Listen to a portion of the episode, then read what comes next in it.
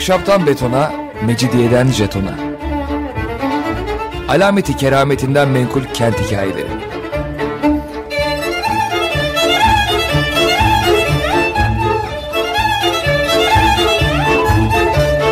Hazırlayan ve sunan Pınar Erkan.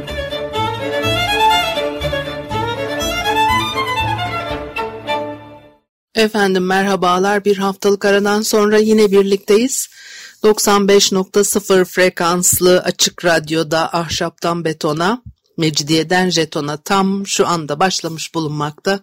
Anlatıcınız ben Pınar Erkan, elektronik posta adresim pinarerkan.yahoo.co.uk Bugün biraz e, Sinan dönemi e, ortaya koyulan mimarlık eserlerinin özelliklerinden söz etmek istiyorum. Bir adap, e, usul e, usul de demiyor da adaptan e, söz eder Gülru Necipoğlu. Bunun çok önemli olduğunu düşünüyorum. Epey zamandır e, e, bununla ilgili bu fikirleri de size aktarmak istiyordum. Bir kısmınız belki de biliyor. Eğer bu konularda e, okuma yapıyorsanız, araştırma yapıyorsanız ama bizim programımızda galiba biraz eksik kalmıştı. Onun için bunları konuşmakta fayda var e, diye düşünüyorum. Hem e, Sinan eserlerinin e, gördüğü müdahaleler şehir içerisinde, Süleymaniye Camii ve Külliyesi'nin çevresinde de bir takım e, tatsız e, e, uygulamalar e, gündeme geldi geçtiğimiz günlerde.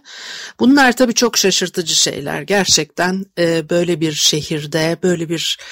E, geçmişine çok önem veriyormuş gibi görünen, e, sürekli ecdadından bahseden bir e, toplumun e, içinde böyle uygulamalar yapılması gerçekten insanı e, şaşkınlığa götürüyor.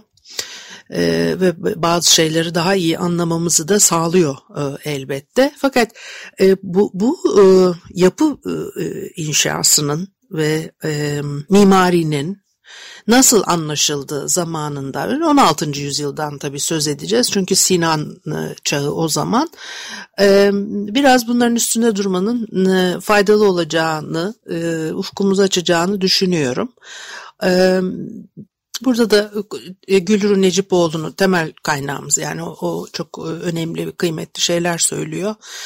Ee, Sinan e, cami mimarisini toplumsal ve bölgesel e, statü hiyerarşilerini yansıtacak şekilde kodifiye etmiş e, bu geleneksel yapılan işte batıdan alınma bir takım e, şeylerin kopya edildiği, efendim Ayasofya'nın la yarışıldığı, Ayasofya'nın kopya edildiği gibi anlayışların çok e, dışına e, çıkarak ortaya konmuş bir e, yapı biçimlenmesi olduğu anlaşılıyor okumalar dikkatli yapıldığı zaman ve tabii aslında Mimar Sinan'ın kendi çağında da çok büyük bir mimar olarak algılandığı bunun o öldükten sonra keşfedilmiş bir mimar olmadığı da yine o dönemin kaynaklarına bakıldığında anlaşılıyor. Bütün bu okumaları yapmak mümkün. Avrupa'da Rönesans e, e, eserlerini ortaya koyan sanatçı ve mimarların da Mimar Sinan'ı tanıdıkları anlaşılıyor. Bununla da ilgili başka bir program daha e, yaparız yine bunları nereden çıkarıyoruz, nereden anlıyoruz ve biliyoruz. Gerçekten çok ilginç belgeler var bununla da ilgili. Dolayısıyla Mimar Sinan sonradan keşfedilmiş ve e, ne bileyim özellikle Cumhuriyet döneminde ihtiyaç duyulduğu bir e, e, geçmiş kahramana ihtiyaç duyulduğu için e, üretilmiş bir mimar e, değil. O anlaşılıyor. Kendi döneminin önemli bir e, ismi olduğu çok açık ve net olarak e, görülüyor. Mustafa Ali 16. yüzyıl sonlarında bir adabı muaşeret kitabı yazmış. Orada edep kavramını kıyafet ve konut mimarisi gibi statü e, simgelerine uyarlamış. Farklı toplumsal e, katmanlara mı demeli, sınıflara uygun konut tiplerini derecelendiriyor. Giysiler ve e, konutlar Osmanlı e, Devleti'nin farklı rütbeli yöneticilerini birbirinden ayırıyor. Cami tipleri de mimari himayenin ve bölgesel yönetimin çeşitli düzeylerine göre kademelendirilmiş. Bu adap kavramı önemli bir şey. Batılılar bu konu üstünde durmuşlar e, o farklılığı vurgulayan görsel iş, işaretlerin nasıl kullanıldığıyla ilgili bir şey aslında bu adap dediğimiz şey.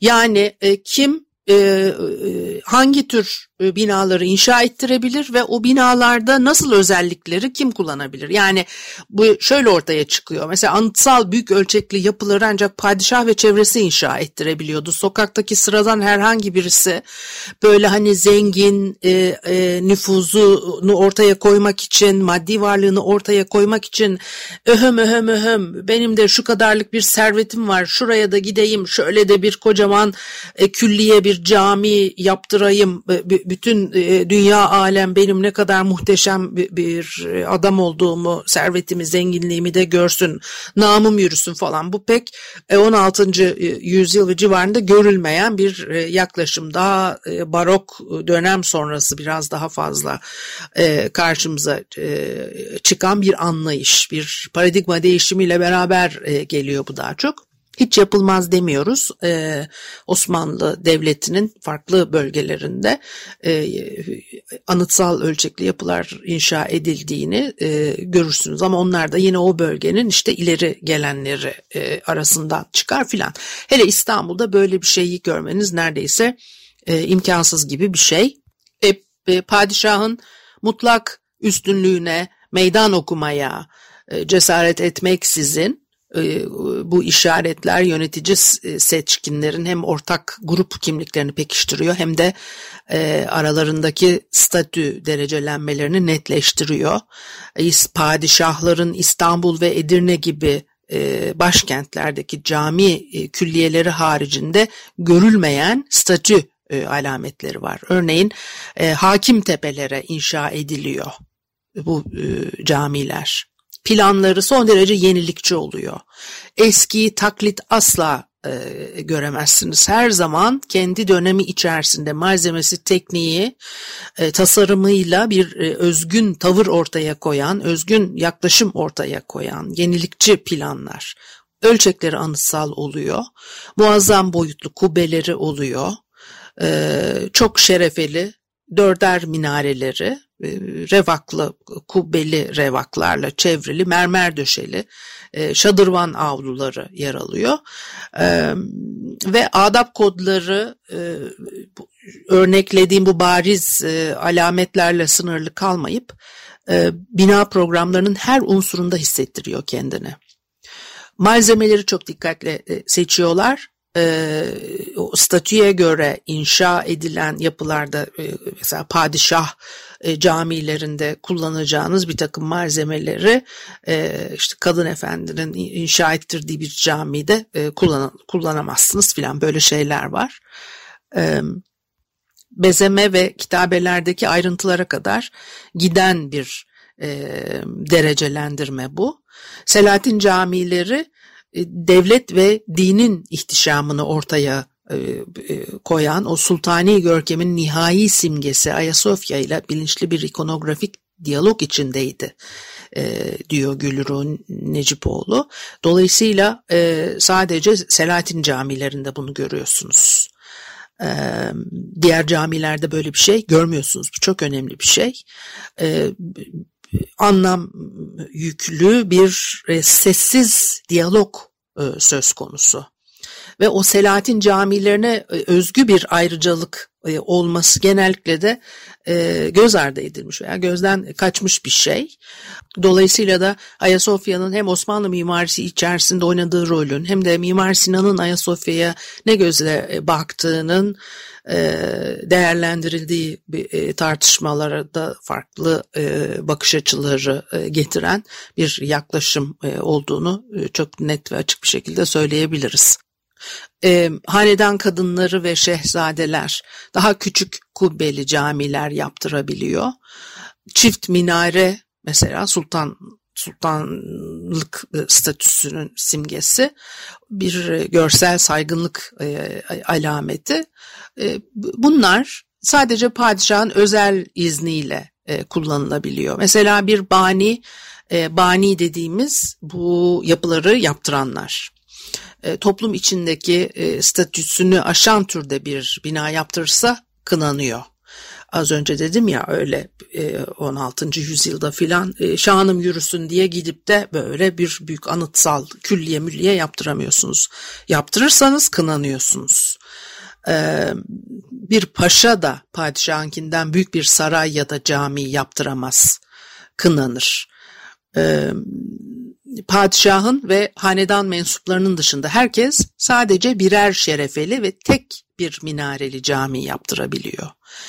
E, aynı adab kuralı hanım sultanlarla evli sadrazam ve vezirler için de geçerli ve hanedan kadınları genellikle e, devşirme kökenli olan eşlerinden daha görkemli prestij anıtları ısmarlayabiliyorlar. Mesela Mimar Sinan'a. O kurallar çok e, ciddiye e, alınıyor. Evliya Çelebi söz eder seyahatnamesinde Gariki Efendi diye birinin e, çifte şerefeli camiyi yaptırdığı için e, idam edildiğini anlatır. E, bu, böyle bir yazılmamış e, bir sözleşme gibi Osmanlılar'da mimar, bani ve toplum arasında e, mimari e, adab kodları oluşmuş e, ve yazılı değil bunlar. Adeta bir sessiz e, anlaşma sonucu olarak karşımıza çıkıyor. Bir müzik arası verip ondan sonra devam edelim. Efendim merhabalar. Ahşaptan betona, mecidiyeden jetona devam ediyor. Haliyle e, Pınar Erkan'ı dinlemektesiniz e, Mimar Sinan'ın e, inşa ettiği yapılar, sultanlık statüsü ve o dönemde adap, çünkü Gülru Necipoğlu'nu kaynak olarak e, kullandığımızı söyledik. Adap bir yapı, adabı nasıl biçimleniyor, e, ne demek istiyoruz e, adap derken e, bunlar üzerinde e, biraz durduk ilk bölümde, şimdi de yine oradan devam edeceğim. Hanedan mensuplarına ait olmayan tek minareli camiler, veziri azam, vezirler gibi en yüksek mevkilerden başlayıp o toplumsal hiyerarşinin alt kademelerine doğru iniyor ve işte rütbenize göre kendi içinde de farklı uygulamalar söz konusu e, olabiliyor. Mesela alt e, mertebelerde e, kubbesiz camilerde e, kırma çatılar kullanılıyor. E, mermer sütunlu kubbeli revakların yerini sundurmalı ahşap direklikler e, alıyor filan. Şimdi bu adab kuralları e, itibar e, alametlerinin e, kullanımına sadece bir üst sınır koymuş. E, yazılı kurallar olmadıklarını bir sessiz mutabakatla yürürlükte olduğunu e, söyledik. Bu önemli bir şey. E, o yüksek konum mensupları görkemli e, mabetlerin yanı sıra mütevazi işlevsel camiler de yaptırıyorlar. E, fakat o anıtsal prestij camilerinin e, programlarını belirleyen kriterler de istisnasız olarak üst sınıf e, üst e, sınır e, kuralları mimarbaşı, hamileri ve toplum arasında işte öyle sessizce bir anlaşmaya varılarak oluşturulmuş e, kurallar. Mesela taşra olarak algılanan yerlerdeki camilerin tasarımları daha basit e, genellikle orta boyutlu kubbeli küplerden ibaret e, gibi çıkıyor karşımıza. E, o hangi bölgede inşa edilmişse o bölgenin yerel özelliklerini içlerinde barındırabiliyorlar ama bir imparatorluk kimliğini de ön plana çıkarıyor. E, bir hani tanınabilir Osmanlı mimari diri e, sergiliyorlar. Öyle çok kendilerine has özellikleri var. Bir de bilinçsizce e, yapılmadığını, bu uygulamaların bilinçli bir şekilde yapıldığını gayet e, iyi anlıyoruz. Çünkü elçilerle imparatorluk sınırlarının müzakere edildiği o diplomatik e, görüşmelerde ilerleyen zamanlarda açıkça ortaya e, konmuş bir e, simgesellik olarak karşımıza çıkar bu diyor e, Necipoğlu. Eyalet e, camilerinin o görece tipli e, büyük ölçüde İstanbul'da yoğunlaşmış prestij camilerinin geniş bir çeşitleme gösteren planları ve kubbeli üst yapılarıyla karşıtlık e, oluşturuyor. E, İstanbul camilerinin çok net seyirlik ve nirengi noktası olma özelliği var. E, işlevsel niteliklerinin de e, önünde gelen özellikler arasında bunun altını mutlaka e, çizmemiz e, gerekir. Özellikle Sinan yapılarını e, payitahtın sahnesinde sergilenmek üzere tasarlıyor. Görkemli dış cepheler var. E, bir peyzajla çok net bir ilişki e, içerisinde o e, cami mimarisinde e, alışılmış bir iç mekan vurgusu var geleneksel olarak e, ortaya konan. Burada daha farklı bir yaklaşım e, olduğunu çok rahat bir şekilde söyleyebiliriz. E, Sinan genel olarak hakim tepelere ve e, kıyı e, şeritlere e, İstanbul camilerini e, yerleştiriyor. E, ve tek başına değil diğer camilerle bir arada algılanacak şekilde konumlandırıyor e, bu yapıları.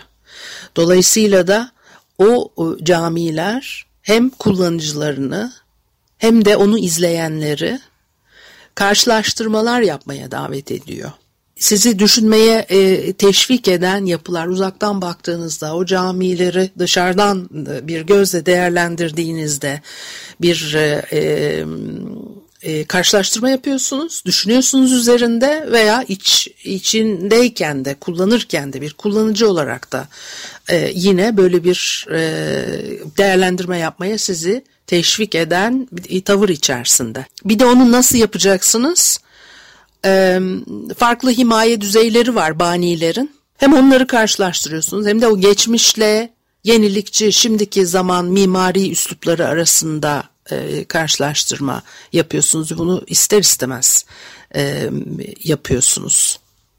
Ve bu e, karşılaştırmalar imparatorluğun o sembolik merkezinde kendi kolektif kimliğini inşa eden, değişik yerlerden, etnik kökenlerden gelen e, yönetici sınıfın statü farklılıklarını da pekiştiriyor. Ee, Mehmet Aşık mesela Evliya Çelebi gibi 16. E, 17. yüzyıl Osmanlı seyyahlarının imparatorluk içindeki camilerin benzerlik ve farklılıklarına e, sık sık e, dikkat çektiğini, yapıları karşılaştırmalı bir çerçeve içinde değerlendirdiklerini görüyoruz. O mimari adabın farklı izleyiciler tarafından nasıl algılandığını ve yorumlandığını ortaya koyan bir şey. E, böyle e, o adab kodları dedik ya öyle sımsıkı hani hiç dışına çıkamayacağınız bir, bir şey de değil. E, bir takım manevralara, esnekliklere izin veren, o resmi kuralların e, Necipoğlu diyor ki özel ihtiraslarla bütünleşmesini mümkün kılan e, tarafı var. E, hani yazıya dökülmemiş sessiz mutabakat olmasıyla da alakalı bir şey bu. E, bir sessiz toplumsal e, sözleşme mimarlara, hamilerine bir kendini ifade etme alanı e, tanıyan bir e, yapı içerisinde. Şimdi burada çok enteresan bir şey var. O mimari himaye e, e, sadece toplumsal mertebenin onayı olmakla kalmıyor. Daha yüksek statülü özlemlerin işareti olan bir çeşit e, rütbe arttırma aracına dönüşebiliyor. Bugün günümüzde bile başka e, biçimlerde de, tezahür e, e, eden e, bir takım işte abuk subuk uygulamalarla e, bunu görmek mümkün. Ee, ve e, e, Süleymaniye'nin hemen dibinde e, Süleymaniye'nin de üstüne e, çıkan bir, e, bir takım yapıların inşa edilmesi gibi e, ve e, bir anlaşmazlık e, doğması durumunda o bina projeleri toplumun müdahalesini e, gerektirecek birer çekişme alanına dönüşme potansiyeli taşıyor. 16. yüzyılda da bu oluyordu ama daha farklı e, biçimlerde e, olan bir şey günümüzde de çok enteresan bambaşka bir katmanda başka türlü karşımıza çıkan bir şey.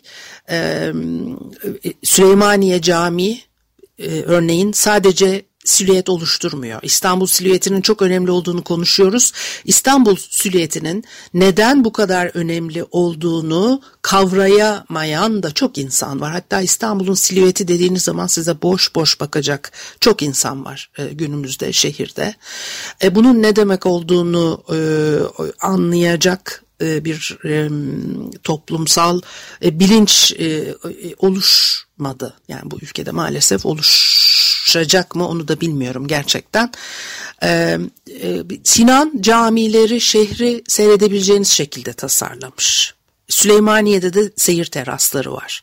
Avlusundan kubbesindeki yan cephelerindeki seyir teraslarından e, baktığınızda bütün şey gözler önünde. Son derece bilinçle ve incelikle tasarlanmış bir mimari eserin e, bölümlerinden İstanbul'u e, izleyebilirsiniz. Ayrıca görkemli padişah külliyeleri sadece sur içinde e, e, yapılıyordu. Boğaziçi tepelerine hiçbir kubbeli cami inşa edilmemiştir Osmanlı devrinde.